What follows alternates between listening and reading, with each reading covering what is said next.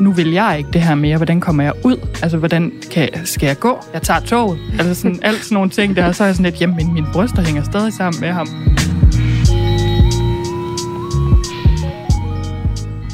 Velkommen til MomKinds podcast. I dag der skal vi tale om en efterfødselsreaktion. For hvad er det egentlig? Hvornår kan man tale om, at man har det? Og hvad stiller man op, hvis man synes, man har det? Bagefter så taler vi om, om mødre skal holde op med at hyle og dele, når det er svært eller uvejsomt at være mor. Skal vi holde det for os selv, når vi er forvirret, eller når vi føler os kørt fuldstændig over af forældreskabet? Ja, det lyder jo næsten som et retorisk spørgsmål. Det skal vi ikke, men vi skal i hvert fald tale om det her emne. Og det skal vi sammen med Ida Holm, som er grafisk designer og butiksindehaver og mor til Kai på knap 11 måneder. Velkommen til, Ida. Tak for det. Og vi skal det sammen med Anne-Sophie Bolsmann, som er omsorgsmedhjælper og mor til Leon på et år. Velkommen til dig. Tak skal du have. Og i dag, der har vi psykolog, doula og parterapeut Ida Bakkesen med, som også er mor til Knud på 6 år. Velkommen til, Ida. Tak. Ida Holm, jeg starter lige hos dig. Hvad er øh, mor-status? Hvad fylder? Jamen altså, øh, min søn er for nylig startet i vuggestue, Mm-hmm. så øh, mors status er, at jeg begynder at få lidt frihed igen, og øh, min, min bryst er spændte, fordi jeg er vant til at amme konstant, men øh, til gengæld så, øh, ja, så har jeg det bare øh, godt lige nu. Ja. Så det er rigtig dejligt at få ham i vuggestue. Og kunne mærke sig selv lidt igen. Ja, for søren. Har du noget med til de babser der, nu det du har så er i jeg, studiet? så øh, det kan godt være lige pludselig ja. hiver babsen frem. Men det må man godt. det må man godt. Hvad, øh, hvad er mor-status hos dig, Anne-Sophie? Jamen, øh, min søn er lidt inde i sådan en øh, periode, hvor han, hvad det hedder, hvor de sådan bliver bange for at være væk fra en. Løsrivelses... Øh, Øh, sådan noget fase. separations... Ja, separationsangst, øh, det er det, det hedder. Øhm, og det er ekstra meget lige nu, altså sådan, fra os begge to nærmest. Og det er lidt hårdt. Altså, den har jo været der før, men den er her igen, og det er hårdt. Altså, der er en, der græder, hver gang man forlader rummet Ja. nærmest. Det er bare hårdt. Ja, altså. det er sgu hårdt emotionelt, det er Øh, rigtigt. Og Ja. også irriterende, faktisk. Altså, du ved, det er sådan en blanding af, at det er hårdt, og det er også irriterende, hvor det er sådan lidt, lad mig nu tisse i fred. Mm. Og jeg ved godt, det kommer man aldrig til, men bare det der med, at der er en, der græder, når man for eksempel skider også, altså sådan lorten halvvejs ud af røven, og så, og så er der en, der begynder at græde, som sådan, åh, for helvede, altså. Det er meget rigtigt, det der. Det er både virkelig rørende og sindssygt irriterende med den Ja. der separationsangst. Ikke? Jeg er Ja. helt med dig på den der. Jeg har Mhm. været igennem. Mm. Ida Mm. Bakkesen. Ja. Vi kan sige Ida H og Ida B i dag måske. Yes. Vi er Øhm, tilbage i folkeskolen. Ja, præcis. Du er jo øh, vores faglige gæst, fordi du er psykolog, og vi skal have dig med øh, særligt på den her efterfødselsreaktion. Det siger sig selv. Ja. Men vi skal også vide, hvad din morstatus er, for du har jo altså knud på 6 år. Ja. Mm. Så status er, øhm, Knud har lige haft sådan en lang periode, hvor det kun var far, der duede. Ja. Og det plejede at være mig de første fem år eller sådan noget. Så det var sindssygt hårdt. Men nu er det ligesom begyndt at vende lidt tilbage, så nu dur jeg lidt igen.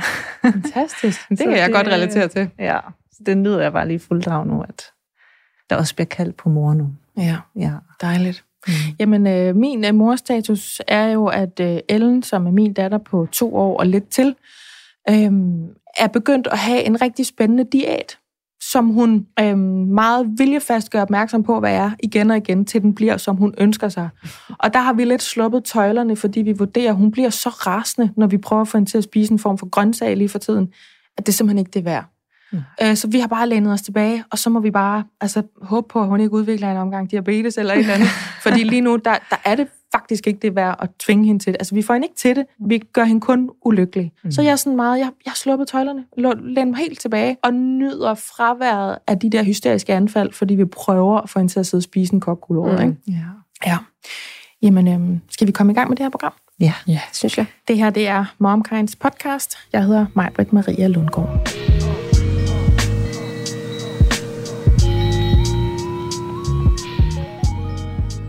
Denne episode af MomKind Podcast er sponsoreret af Puri. Og jeg har jo tidligere fortalt om, hvordan jeg er blevet glad for deres vitaminer. Men nu har jeg lyst til at dele, at jeg også er blevet glad for deres kollagen. Jeg blander faktisk deres CP1, som er testet ren kollagen, og CP3 Beauty. CP3 indeholder nemlig zink og biotin, der blandt andet bidrager til at vedligeholde normal hud, og jeg oplever faktisk, at jeg både får mindre tør hud og færre revnede fingerspidser, når jeg tager det her. Udover zink og biotin, så indeholder CP3 Beauty også C-vitamin, B6-vitamin og hyaluronsyre. Puris produkter er testet for renhed og kvalitet, herunder uønskede stoffer som tungmetaller, pesticider og lignende, og du kan selv se testresultaterne, hvis du scanner QR-koden på bagsiden af deres produkter. Har du lyst til at prøve deres kollagen eller nogle af deres andre produkter, så kan du bruge koden MOMKIND30, når du tegner abonnement. Så får du 30% rabat på de første tre leveringer, og altså på produkter til tre måneder. Vi skal tale om efterfødselsreaktioner, fordi hvad er det overhovedet? MomKind har fået en øh, besked her fra Malene, som jeg lige læser op fra. Efter fødslen stod jeg tilbage med en sundhedsplejerske, som gav mig beskeden. Du har en efterfødselsreaktion, så det er ikke så underligt, at du har det lidt skidt. Kan du have det rigtig godt, til vi ses igen? Om jeg kan have det godt, til vi ses igen? Ja, det ved jeg jo så ikke, om jeg kan. Og hvor er min hjælp henne? Min pointe med det her er, at jeg støder på alt for mange, som får det såkaldte chok, så snart de bliver mødre og forældre, og det er slet ikke nok fokus på det eller steder, man kan række ud, hvis man altså overhovedet er i stand til at række ud. Hvordan får man kvinderne til at ture og sige noget, uden at dømme sig selv som at være den værste mor i verden? Jeg har også for nylig stødt på tilstanden fødselspsykoser, altså what? Kvinder, som aldrig finder tilbage til sig selv, og som får det så dårligt, at de ikke kan andet end at være indlagt på en psykiatrisk afdeling. Det er mig en gåde, at der ikke er mere fokus på, at det langt fra bare er en babyboble af lykke, du træder ind i som nybagt forældre. Det er alt for tabubelagt, og jeg brænder inderligt for at få mit råb ud og få skabt et større fællesskab for alt det, vi ikke tør at sige. Og nej, det skal ikke være en skræmmekampagne for, at man fandme ikke skal have børn, men det er altså dejligt at høre lidt om begge sider af medaljen. Og hende, der har sendt den her besked til MomKind, det er dig, Malene. Velkommen til. Tak skal du have. Det er jo et fantastisk vigtigt emne, du har, øh, du har øhm, aktualiseret for os her, og jeg er rigtig glad for, at du ja. har lyst til at være med. Jeg vil starte med at spørge dig, Malene, hvordan havde du det? Altså, du skriver jo til os, min sundhedsplejerske sagde, du har en efterfølgelsesreaktion. Tillykke med det, have en fortsat god dag. Altså, hvad var virkeligheden for dig? Hvordan sad du og havde det? Det er faktisk meget. Jeg kan faktisk mærke, at jeg bliver lidt rørt, øh, ja. da du læser min uh, historie op, fordi og det er det, det kan, alt det her. Fordi hvordan havde jeg det? Øhm, jeg havde det øh, faktisk på en måde, hvor jeg tog mig selv i at have en tanke, der hed, hvad gør jeg, hvis ikke jeg kan det her? Øh, hvad er alternativet? Øh, så var der en tanke, og det er sådan, så skal hun jo så skulle hun jo adopteres væk. Okay, ja. Og bare det, jamen det lyder helt sindssygt, og bare det at tænke det, det gav mig jo en endnu større skam. Selvfølgelig skulle hun ikke det. Men, men jeg havde det mildest talt på en måde, hvor jeg havde jeg har bare ikke lyst til at være i mit eget skin, mm. hvis man kan sige det på den måde. Øhm, og ja, stod med en sundhedsplejerske, som var sådan lidt, så det er ikke underligt, du har det skidt. Så fik vi ligesom styr på det, hvor jeg var sådan lidt, så, så hvad gør vi? Øhm, og og der, der var ingen øh, hjælp at hente fra, fra sundhedsplejerske, og heldigvis havde jeg, og har jeg, et netværk og en en baggrund, der gør, at jeg var stærk nok til at række ud, og jeg ringede til efterfødselsklinikken, jeg ringede til min jordmor, jeg ringede til min læge og var sådan, hallo, sådan her skal man fandme ikke have det. Mm. Please, gør noget, hjælp mig, fortæl mig, hvad der skal ske. Fik du så hjælp? Hvad, hvad skete jamen, der så? Jamen, hvad skete der? Det, der skete, det var, at øh, jeg kom i snak med en mega sej sygeplejerske på efterfødselsklinikken, og hvor jeg sådan tænker, hvad hvis ikke det lige har været hende? Men hun var bare prøv at høre her, lille skat, det er så normalt at have det, som du har det. Og jeg kan høre, du har ikke sovet, og du skal sove. Det er rigtig vigtigt, at du sover. Så jeg synes, du skal ringe til din læge og få noget, du kan sove på hen over de næste par dage. Og så var jeg sådan, først var jeg i chok over, at det var normalt, for jeg var sådan, det har der sgu da ikke nogen, der har fortalt mig, Nej. at det er. Så der skete simpelthen det, at jeg, jeg kørte til lægen sådan desperat i bilen, og sådan skulle forlade min datter og min mand for første gang i 11 dage, og, og hentede de her piller, og på vejen hjem, der tror jeg mig selv, jeg giver mig selv lusinger, mens jeg kiggede mig selv i bagspejlet og var sådan, nu tager du dig fucking sammen. Undskyld, jeg banner. Øhm, fordi jeg sad og sagde, tag dig sammen. Du har en skøn og smuk datter og en dejlig familie, og du har det okay. Du er okay du skal nok blive okay. Jeg prøvede ligesom at give mig sådan en pet talk. Ja. Øhm, og efter de her dage, hvor jeg fik malket ud, og min mand ligesom fik taget netterne, og jeg fik, fik sovet, så begyndte jeg stille og roligt at kunne mærke mine egne behov igen, øh, som sult, øh, søvn, nu skal jeg pisse, øh, nu skal jeg sgu da et bad. Altså, Ja. ja. helt basale ting. Og så fandt jeg lige så stille øh, tilbage til det her med, jeg er også stadigvæk Melle, jeg er ikke bare mor. Hvor gammel er, øhm, Ja, ja, selvfølgelig. Hvor gammel er jeres datter i dag, Malene? Hun er to om en måned præcis i dag. Ja. Og kan du, føler du, du er ude af den her reaktion, eller hvad vi nu skal det, kalde det det? synes jeg, jamen det er et godt spørgsmål, fordi øh, hvornår er man det? Ja. Og, og altså, det er også sådan lidt sjovt, ikke? Øhm, det er sådan en eller anden øh, betegnelse, du får sat på dig, og så er det sådan lidt, nå, hvornår man er ude, og hvornår man er inde, og, og hvad er man? Altså, jeg vil sige, jeg, øh, jeg har det godt, og jeg er landet godt i morrollen, øh, men har klart fundet ud af, øh, at hvor vigtigt det er for mig at prioritere mig selv, øh, så jeg kan lade op til at være det, jeg skal være over for min datter. Skammer du dig Øh, over, det- at du har haft det på den her måde? Det gjorde jeg, øh, fordi jeg ikke vidste, at det faktisk var utrolig normalt. Men efter jeg ligesom selv har råbt højt om det, og har fundet ud af, hvor normalt det egentlig er, så skammer jeg mig slet ikke. Jeg vil aldrig have været, jeg vil aldrig have været det for uden i dag. Aldrig.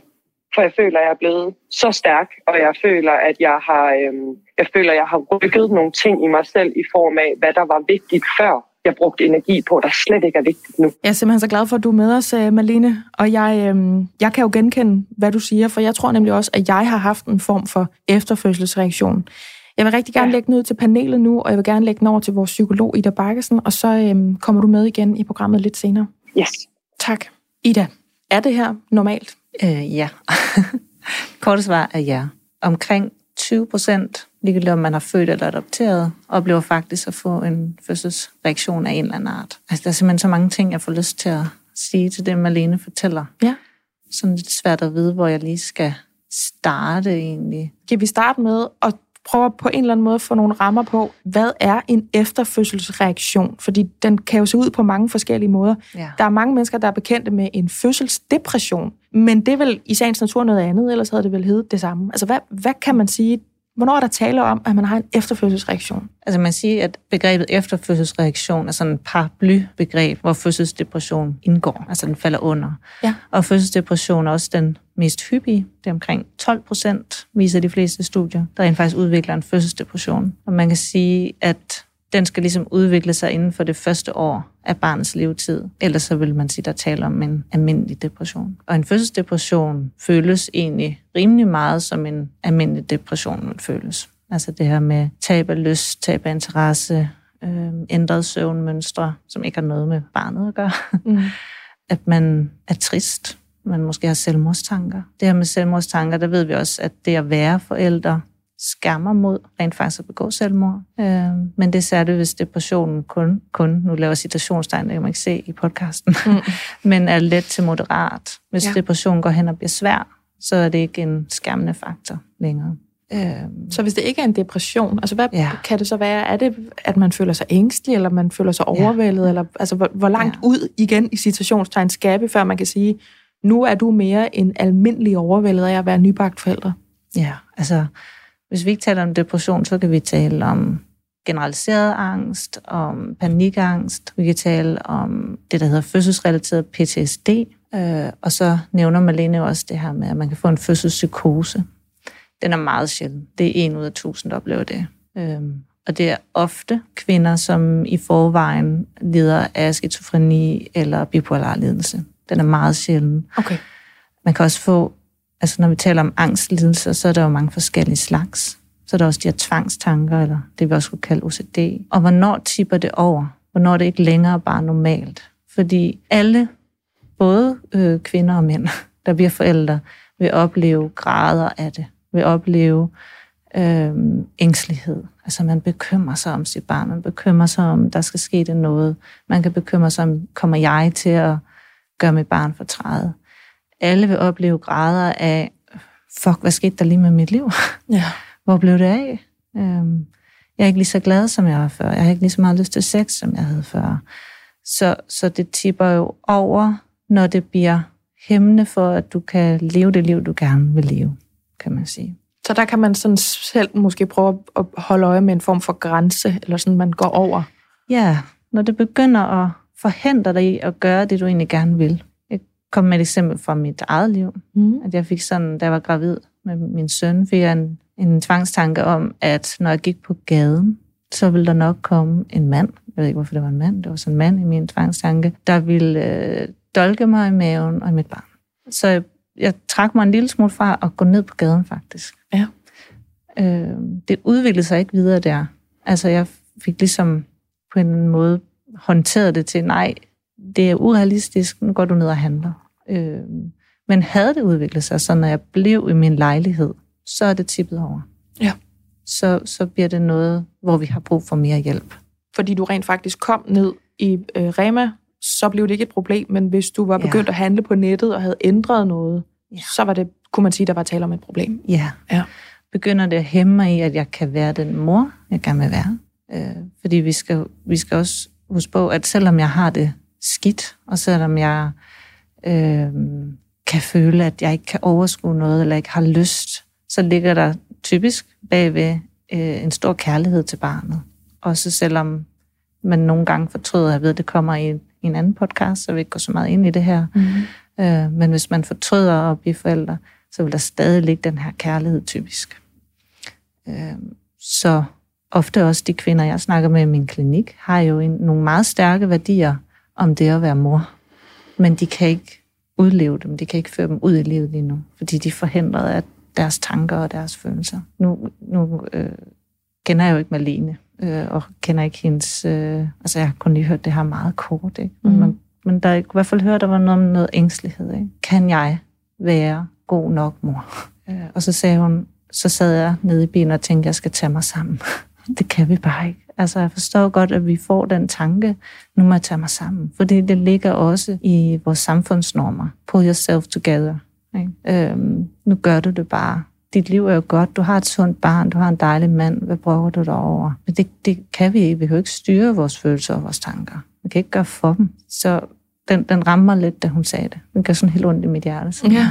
Nej, Ja. du kunne ikke tage dig sammen. Og hvad er det sådan for dig, at du bare blev efterladt efter den her... Øhm, hvad hedder hun? Det var Sundhedsplejersken der. I hvert fald ikke årets sundhedsplejerske, vi lige hørte om der, nej. Nej, det kan vi ikke sige. Jeg vil egentlig gerne tage den ud øhm, til dig, Ida, til at starte med. Øhm, det her med, at enhver forældre formentlig kan genkende noter eller mere øh, fra det, vi kalder efterfølgelsesreaktioner. Hvad tænker du om det? Altså, kan du relatere til nogle af de ting, som Malene hun fortæller om her?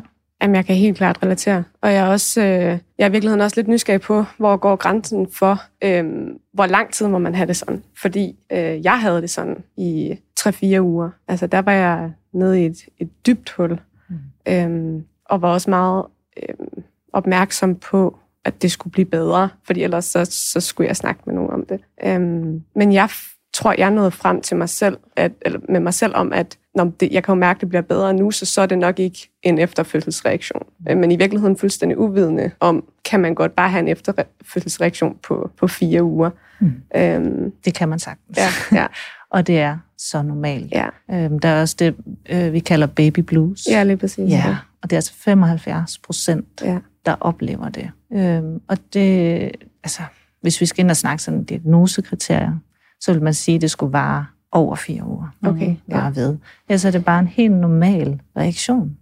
Og det er netop det, fordi Ja. ja. den, det, det blev jeg meget overvældet af, de her baby blues. Altså, det var øh, alt opslugende for mig. Mm. Og, øh, og jeg havde ikke hørt om det før overhovedet. Øh, og jeg havde også... Øh, Faktisk noget, der understøtter Malenes besked ret meget. Præcis. Ikke?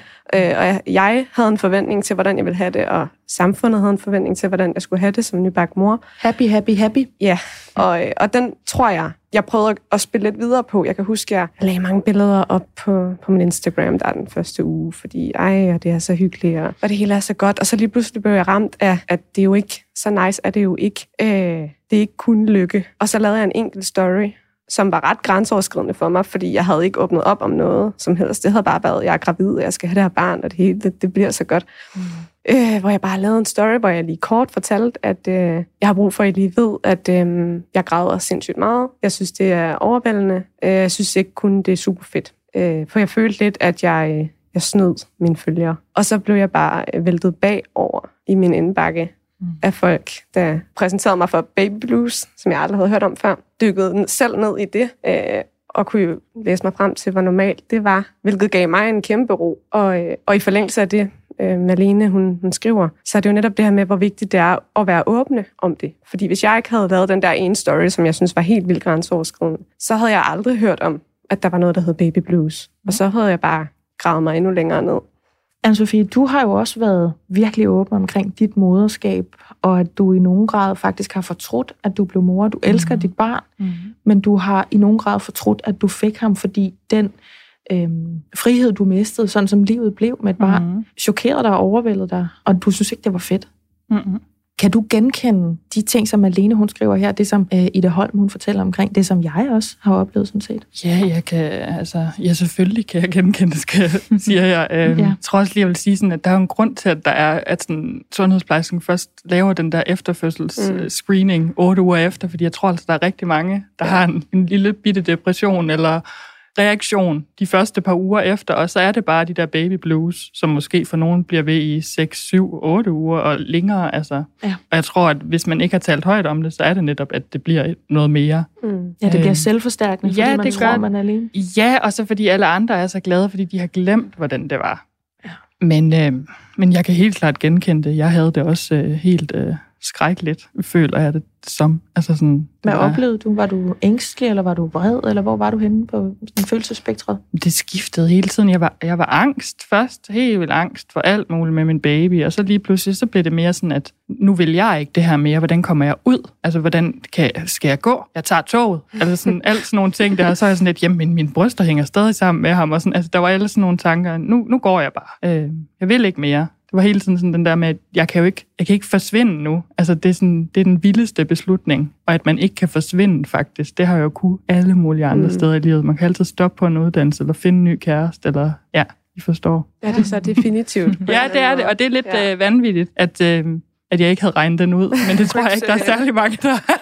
du kunne ikke lige slå op med din søn?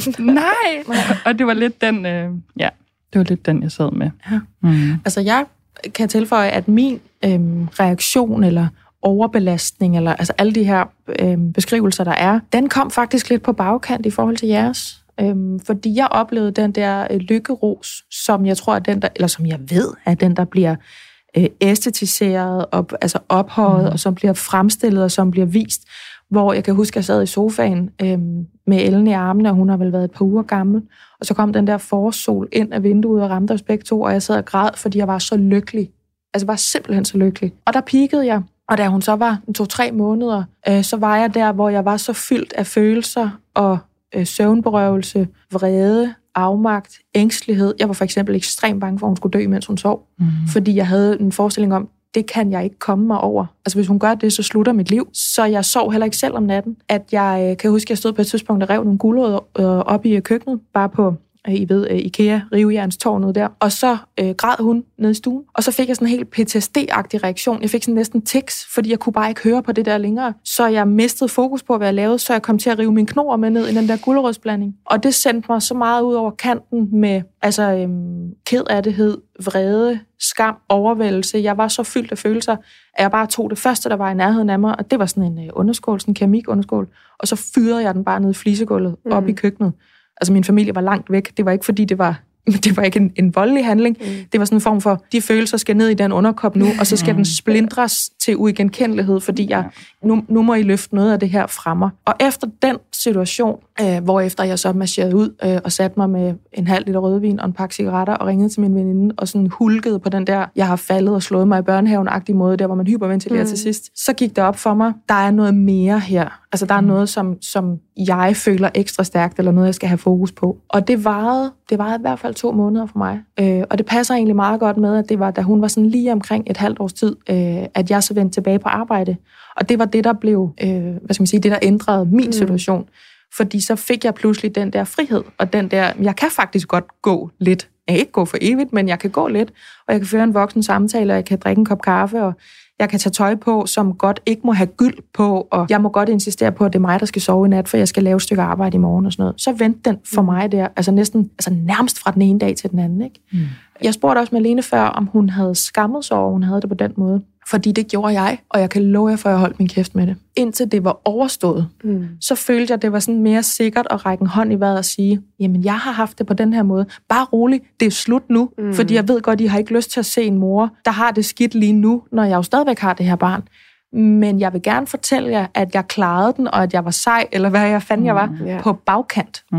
Giver det mening? Ja, altså sådan, jeg vil gerne fortælle om Ja, det, når ja. det var. Øhm, så det var meget den der angst for, at der skulle ske noget med hende, at jeg ikke selv kunne sove. Jeg kan huske, at jeg udviklede sådan en sved, der lugtede sådan helt kemisk og farligt, ligesom om mine følelser sad i armhulerne til sidst. Jeg lugtede fuldstændig vanvittigt, og jeg tror, at halvdelen af, af mine trøjer fra den periode af, af Ellens liv, de er bare smidt ud, Ja. for de kan ikke vaskes rene. Øhm, og vreden var kæmpestor for mig. Mm. Hvad, hvilke sådan grundfølelser, øh, eller primære følelser, var der gang i, i hos dig, Ida, i de uger der? Jamen, jeg var også øh, meget stille om det, da det stod på. Altså, ja. jeg lavede den her ene story, hvor jeg lige rakte lidt ud.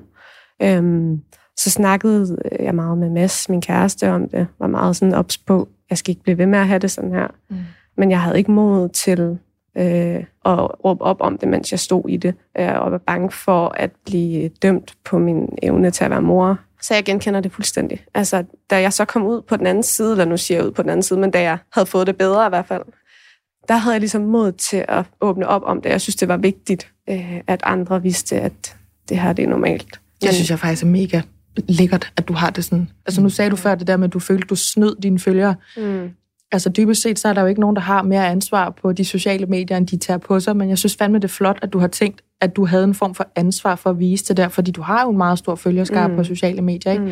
Så at en kvinde som dig vælger at dele den slags, det er sådan noget, hvor jeg bliver, jeg bliver helt ekstatisk over det. Fordi Mm. det er jo sådan noget, der kunne have hjulpet mig dengang. Ikke? Nu er din søn bare yngre, end mit barn er, ja. så det, var, det kunne ikke lade sig gøre, men det synes jeg virkelig er fedt, at du mm. gør det. Ja, og det var også ekstremt, og er stadigvæk meget, meget grænseoverskridende for mig. Men øh, jeg kan hver gang mærke, at det, altså det er bare en snebold, der ruller med, med positive følelser, der bliver, der bliver delt og råd og øh, frem og tilbage. Man griber hinanden. Så øh, ja.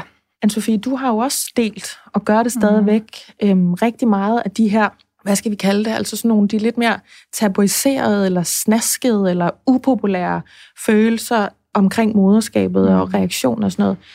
Oplever du det samme, det her med, at det letter dig, når du deler, og du får en respons, som gør, at, at du føler dig mere øh, okay, eller hvad gør det for dig, når du deler de her svære ting?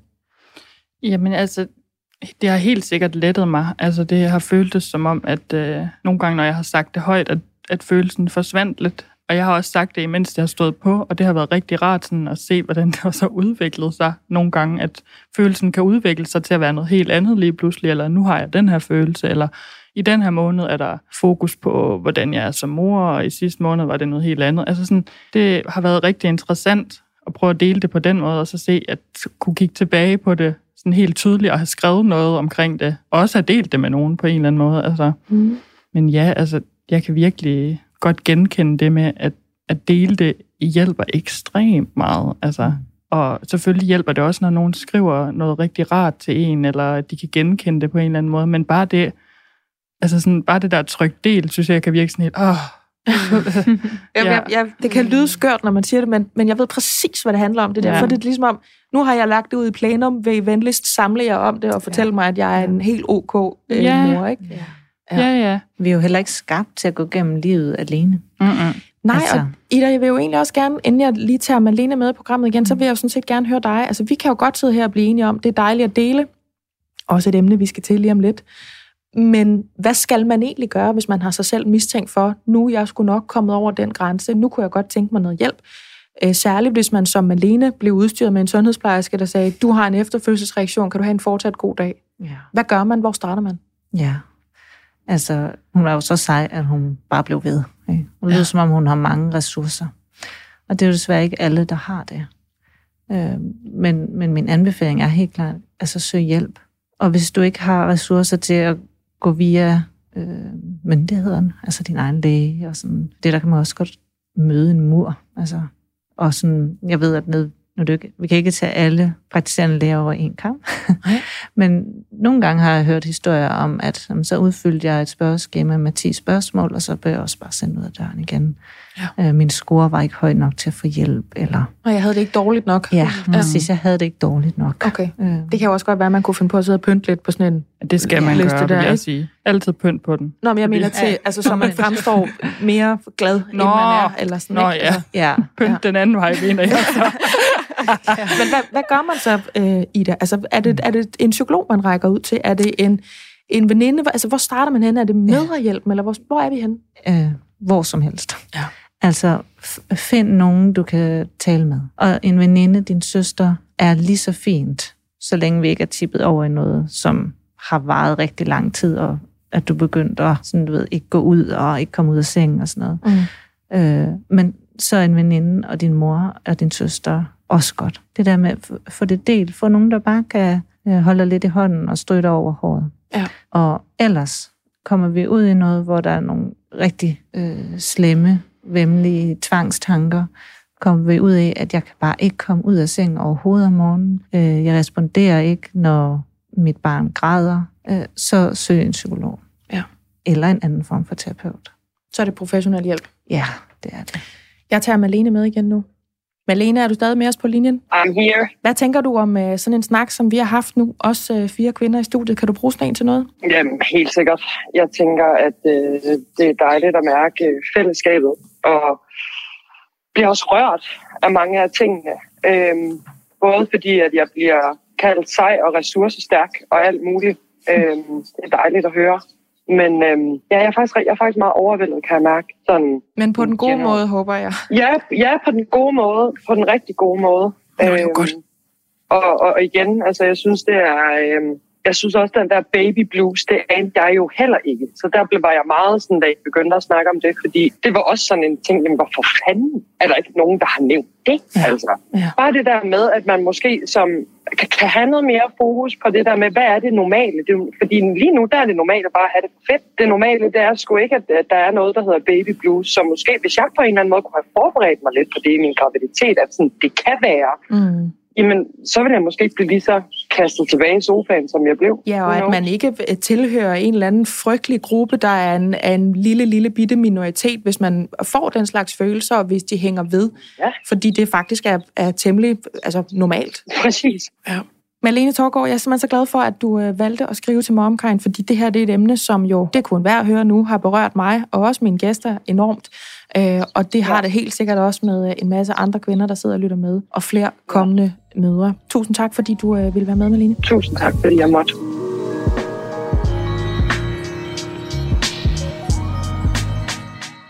Fantastisk snak. Dejligt, at der bliver delt åbent og ærligt. Og apropos det, skulle vi så i virkeligheden bare tage og holde op med det? Fordi vi er jo lige nødt til at øhm, honorere, hvis det er det rigtige udtryk, den debat, der er foregået. Jeg ved godt, det er et stykke tid siden, men øhm, der skal der også lige et par ord med på vejen her fra Momkinds podcast, som jo lige præcis gør det, som denne her debat er sat i verden for at stoppe øh, i udpræget grad. Altså at kvinder deler, når moderskabet ikke bare er soft ice og solskin og bløde babykinder, men når det faktisk kan få en til måske at tyre en underkop ned i et flisegulv. Det kunne være den slags. Mm. Ida, du sagde jo før, du delte. Det var en grænseoverskridende ting at dele, og så kom der Loftstorm. Øh, mm. Det er jo egentlig noget, vi alle sammen har til fælles, mm. også med Malene, som var igennem før. Når man deler, så letter det. Mm. Nu prøver vi lige, og det er en svær øvelse for mig, for jeg har været enormt påvirket af det her privat. Øhm, fordi jeg er en kvinde, der har haft god brug af at dele, og jeg gestalter et program, hvor vi gør præcis det. Mm. Men nu prøver jeg lige at lege med. Hvis vi nu stoppede med at dele, ville noget så blive bedre? Øh, ikke for mit vedkommende. Nej. Altså, øh, for mig har det lettet ekstremt meget. Og det betyder ikke, at jeg ikke også er fortaler for, at man ikke skal dyrke det dårlige.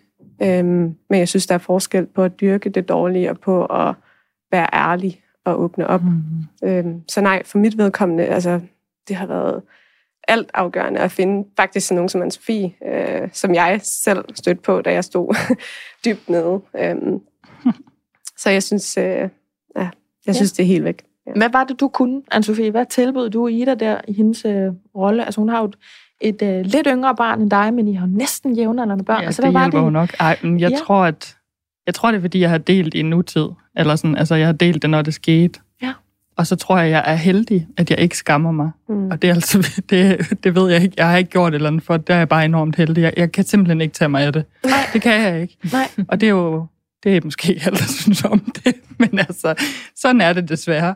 Øh, og, og også heldigvis faktisk, når jeg har skulle dele sådan nogle ting her. Fordi ellers tror jeg, at det havde været rigtig svært for mig. Øh, Hvorfor tror jeg, det kan være, at vores generation af kvinder og mødre har et behov for at lave den her, hvad skal man sige, revolution, altså en ærlighedsrevolution. Det er jo ikke noget nyt, at, at de unge og de nye, det er dem, der skal finde på alt det, ja, det unge og det nye, men at, at vi stikker fingrene i noget som det her. Folk har fået børn altid og siger, nu vil vi også lave det om. Nu retter vi en arkitektlampe ned på det og siger, der er noget her, der ikke fungerer, eller der er noget, vi skal tale højere om. Når vores øh, måske mødre og bedstemødre og oldemødre overhovedet ikke gjorde det. Altså, hvad er det med os? Hvorfor kan vi ikke bare acceptere tingenes tilstand? Og hvorfor skal vi absolut, nu bruger jeg en retorik, som jeg har set derude, kæfte op om alt det, som alle mødre jo gennemgår. mm. Hvorfor tror jeg, vi gør det? Altså, jeg har også lidt lyst til at sige, at man jo også på nogle punkter er blevet klogere. Øh, Ja. altså, øh, jeg ved da, der hvor jeg kommer fra i Thy, der var det der meget øh, før i tiden, at hvis du har det dårligt, så er det noget, du må gå og putte med selv. Og hvis man går til psykolog, uh, det er sådan lidt, Ja. det snakker vi ikke højt om. Øhm, ikke i min tid bevares, men, men jeg har da snakket med mine forældre, og altså, at den måde var det bare engang på. Og, og, og der er man bare blevet klogere, og, og har fundet ud af, at det, øh, det kommer man ingen vegne med. Så jeg tror sådan, det er en del af det. Øhm, ja, Men en anden del kan måske også være, at det, er sådan, det er jo et kæmpe arbejde at blive forældre. mm. Og nu har vi jo alle sammen typisk et andet arbejde også. Så, så der bliver måske lidt mindre, altså vi har jo endnu mindre plads at være på, så især når man så kommer tilbage til arbejdet også. Så jeg tror, at der er sagt med det sådan, at man, der bliver et behov for at være mere ærlig, Mm. når der ikke er plads til så meget andet. Mm. Giver det mening? Ja, at man ikke bruger energien på sådan forlorenhed eller Ja, altså, ja, på en eller anden måde. Ja. Ja. Men også sådan helt lavpraktisk, så har vi sociale medier i dag, så det er mm. Mm. bare alle, øh, alle man kan gå ind og dele sit privatliv, og det, det kunne man ikke for, øh, for 20 år siden på samme måde. Og det er heller ikke sikkert, at man havde gjort det på samme måde, at man altså, havde trukket i nogen grad nederdelen ned altså Mm. mm. på sig selv. Vel? Nej. Ida Bakkersen, du er psykolog. Ja. Øhm, giver det mening, det her? Altså, er det godt, at vi deler de her ting? Eller er der noget at hente i den her debat, der handler om, at man bare selvforstærker alt det, der er dårligt, og man skal lade være med at forvente, at man har det fantastisk hele tiden, og man skal jo ikke lade være med at dele så meget og bekræfte hinanden i, at det bare er noget værre lort, når man får børn. Ja. Øhm, jeg kan mærke, at jeg bliver meget trigget i et hjertebarn for mig. Ja. Sådan. Fordi jeg tror, det her det trækker meget dybe rødder til os, hvordan vi er i samfundet, Ja. og hvordan samfundet er strikket sammen. Og hvis du spørger mig, og det kan godt være, at jeg bliver upopulær på det her, men så er det et meget maskulint samfund, vi har fået os indrettet i. Mm-hmm. Øhm, og der er også mange kvinder, der øh, praiser det. Og det er nogle andre, altså det er nogle værdier om øh, at kunne præstere, og kunne præstere lige hele måneden, øh, hele livet, skulle lige til at sige, ikke? Øh, Det er sådan mere resiliens, sådan at man skal kunne klare ting. Man skal kunne klare, man klarer det selv. Øh, det handler om prestige, det handler om penge og kunne have alt muligt at vise. Og ikke så meget om de dybere, mere kvindelige værdier, lidt blødere værdier. Øh, jeg ved godt, der også er mænd, der har dem. Øh, men om at... Men det er det, man kalder de klassiske feminine dyder. op. ja, ja, ja. præcis. Ja. Øhm, det, det er sådan blevet... Det er nedtonet, det er ikke lige så hip, det er ikke lige så lækkert, det er ikke lige så ind. Og det, det er jo ikke noget, der bare lige er sket inden for de sidste 10 år. Det er jo mange år. Vi kan også bare se, hvordan vi føder i dag. Det er jo... Det er, jo, det er en mand, der har fundet på, at nu skal vi ned og ligge på ryggen, og så benene op i bøjlen, så han kan se, og, hvad der foregår. Men det er jo ikke sådan, en kvinde naturlig gerne vil føde. Er der noget med, at det faktisk er bedre at næsten sidde ned, eller squatte, eller ligge i sådan en kravlestilling, at sådan, det er bedre at få barnet ud den vej igennem bækkenet? Det synes jeg, jeg har set noget med. Ja. Altså, ja, jeg vil sige, jeg vil være påpasselig med at sige, hvordan det er bedst at føde. Nej. Men det, hvis vi skal bruge den term, hvordan det er bedst at føde, så er det bedst at føde sådan, som du føler, at du gerne vil bevæge dig. Mm. Ja. Ja. Og ikke i udgangspunktet på ryggen. Og Nødvendigvis. ikke i udgangspunktet på ryggen. Mm. Nej. Så, så vi er så domineret af en mand, maskulin tankegang, hvor det ikke er fedt at dele. Og hvis vi ser tilbage, altså langt tilbage, så vi er jo et flokdyr, og kvinder har ligesom altid i de gamle samfund stået på skuldrene af andre kvinder. Og vi har siddet i cirkler om bålet og delt fødselsoplevelser, delt oplevelser om vores første blødning og øh, fået en masse visdom der, som vi ikke får længere. Vi skal tage sammen, vi skal klare det selv. Øh, det er den seje måde, eller sådan. Mm. Øh, Jamen, vores, min mor var i hvert fald ikke i en delekultur, til trods for, at der ikke var sociale medier, som, som Ida Nej. Holm sagde før, men, Nej. men jeg tror sgu ikke, hun snakkede med, med Mm. veninderne, der også havde børn med den der 80'er grydeklip, som, som jeg gik rundt med, ja. om at jeg synes godt nok, det er røvtur i dag, og jeg har, det har jeg synes i tre uger. Mm. Ja. Altså, hvad er det, der har ændret sig? Er det bare vores generation, der er så opråbslystende, eller har lyst til at revolutionere, revolutionere alting? Altså, hvad fileren er det ved os, der provokerer nogen så meget, at de må starte en debat om en gruppe, som de ikke selv er en del af, Mm. og bede os om at tige stille? For eksempel med sådan en podcast her. Ja, altså det er svært at sige, hvorfor det lige er vores generation, der måske begynder at råbe højt. Mm. Jeg synes, det er fedt, ikke? Øhm, noget af det er jo nok også det, I nævner med de sociale medier. At det er blevet nemmere at komme længere ud. Det er blevet nemmere at blive hørt. Og dermed er det også nemmere at komme ud til nogen, som kan blive fornærmet. eller støtte, Mm. eller tænke, ej, hold lige op. Eller provokeret, tror jeg, det bliver. Ja, provokeret. Ja. Og i virkeligheden, igen, nu er det min holdning, så tænker jeg, når man reagerer vredt på noget, man egentlig ikke er en del af, øh, så er det fordi, man bliver bange eller utryg ja. ved det, der sker. Det er også det, der undrede mig så meget. Det var, hvorfor har du brug for at regulere, hvad vi taler om i en gruppe, som du ikke har brug af eller brug Ja. for? Så kan du da bare gå ind og altså, melde dig ind i en klub, hvor I kigger på damplokomotiver, mm. hvis du synes det. Altså sådan lidt sat Ja. på spidsen, ikke? Ja. Ja, helt sikkert. Altså, hvordan, Ida, hvordan, uh, Ida Holm, kigger på dig, hvordan reagerede du, da du fandt ud af, okay, det er åbenbart en debat, vi har nu, fordi Mm. du er jo ærlig omkring moderskabet, og særligt de Mm. slagsider, der, øh, der kan være i det. Jeg følte mig personligt ramt, selvom at det var det jo ikke øh, myndet på mig. Jeg følte mig ramt på min sårbarhed, øh, og noget jeg virkelig har taget tilløb til, det er øh, at ture og være sårbar. Og generelt er det noget, der kræver sindssygt meget mod at åbne op. Så jeg følte mig lidt sat tilbage, faktisk. Øh, også fordi, at jeg er en af de millennials, som de øh, taler til. Det Mm. ved jeg, at jeg er. Øhm, så jeg blev påvirket af det, og, og selvom jeg ikke, øh, ikke vil lade mig påvirke af det, så kan jeg mærke nu, når jeg deler noget på sociale medier, at den sidder der. For nylig blev der også skrevet noget lignende på Reddit om mig og det, jeg deler. Og, og faktisk, som var meget en til en, det her med, at man ikke skal tude, og man har jo selv valgt at få børn. Og jeg vil ikke lade mig påvirke af det, men jeg bliver påvirket af det. Mm. Øh, og, og jeg er endda også relativt ressourcestærk, og, øh, og ikke sådan lige at få ned, synes jeg. Øh, men når jeg bliver påvirket af det, så er der rigtig mange, der også bliver påvirket af det. Mm. Så jeg synes, at, jeg synes virkelig, det er, jeg synes, det er farligt at gå ud og fortælle folk, de ikke må tude. Øh, og jeg har lyst til at sige til folk, at, øh, at det må I virkelig godt. Ja. Må virkelig godt være ked af det, og man må også godt sige det højt. Jeg har også bare lyst til, at det her, altså det, det er jo bare et verbum, vi har adopteret nu, fordi det er det, der er blevet brugt, og det er det, der Mm. man sådan har hæftet sig fat i, fordi det er så helt utroligt nedladende at sige om Mm. andre, at de tuder, ikke? Ja.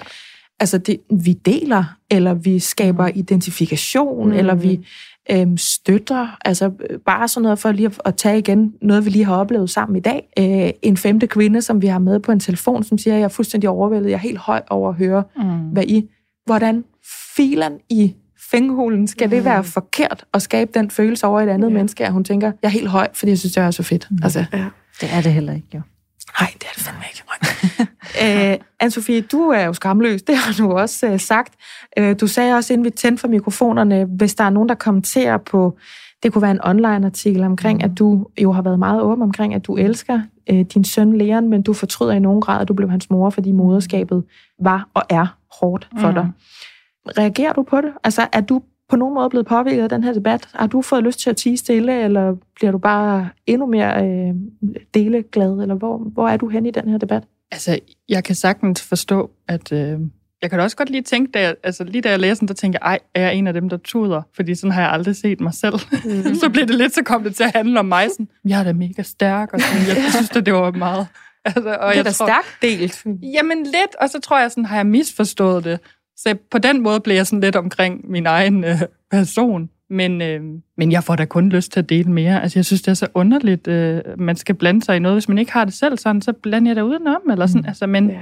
på en, det er jo også spændende nok, så kommer der også en debat om det, og så får vi snakket om, hvad der egentlig er vigtigt Mm. for os hver især, Mm. og hvorfor den her podcast er vigtig. Og så på en måde ender det jo også godt. Øhm, Når, når man er færdig med at være harmdirrende rasende ja, men det er det. og påvirket. Ja, ja. Ja. Ja, Sådan har jeg i hvert fald haft det. Ja. Altså, det jeg- jeg godt. m- med øh, all colors of emotions. Mm. Øhm, jeg kunne næsten ikke finde ud af at sidde på en stol, fordi jeg, jeg var så arg over, at der mm. var nogen, der Mhm. kunne finde på at ville skamme sig til at tale sådan til og om andre kvinder Mm. i 2022, hvor vi for filen har cementeret, at det er notorisk en god idé, når. Ja. vi deler ting med hinanden, og at det er gået gevaldigt af mode at bede andre kvinder om at holde deres kæft. Ja. Det gør også Ja. næsten mest ondt, når det er andre kvinder, Mm. Ja, der gør det. Ikke? jeg tror også, det var derfor, den, åh, den, sådan, den borede sig ind, fordi man tænkte, hold da op, der er bare noget, der er detoneret der i egne rækker. Mm. Det har vi ikke set længe. Øhm, I hvert fald, hvis vi holder os væk fra en helt bestemt slags kommentarspor, så har vi ikke set det i en Mhm. periode. Mm.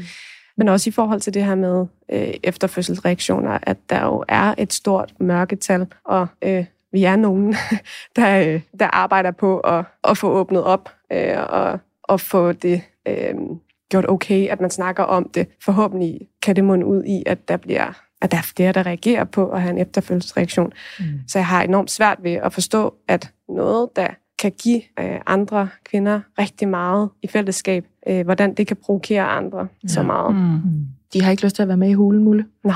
Nej, men så bygge jeres egen. Ja. Mm. Er det ikke det, vi siger? Det er jo det. Jo, helt sikkert. præcis. I dag der har vi talt om øh, efterfødselsreaktionen, topnoter, følelser, vi alle sammen her i varierende grad kunne genkende. Vi havde Malene med på en telefon, som blev helt høj af, at vi delte og mm. skabte øh, genkendelse for hende, fordi vi er, som Ida Bakkesen siger, flokdyr. Så det var rigtig dejligt. Og i forlængelse af det, kvinder, mænd, mødre, fædre, mennesker må dele, øh, hvad de har lyst til med hinanden i frivillige fællesskaber, så længe man ikke gør andre mennesker ondt. Og det tror jeg ikke, vi kan sige, vi nogensinde har gjort, når vi har delt vores sårbarhed. Anne-Sophie Bolsmann, Ida Bakkesen og Ida Holm, tusind tak, fordi I var dagens panel i dag.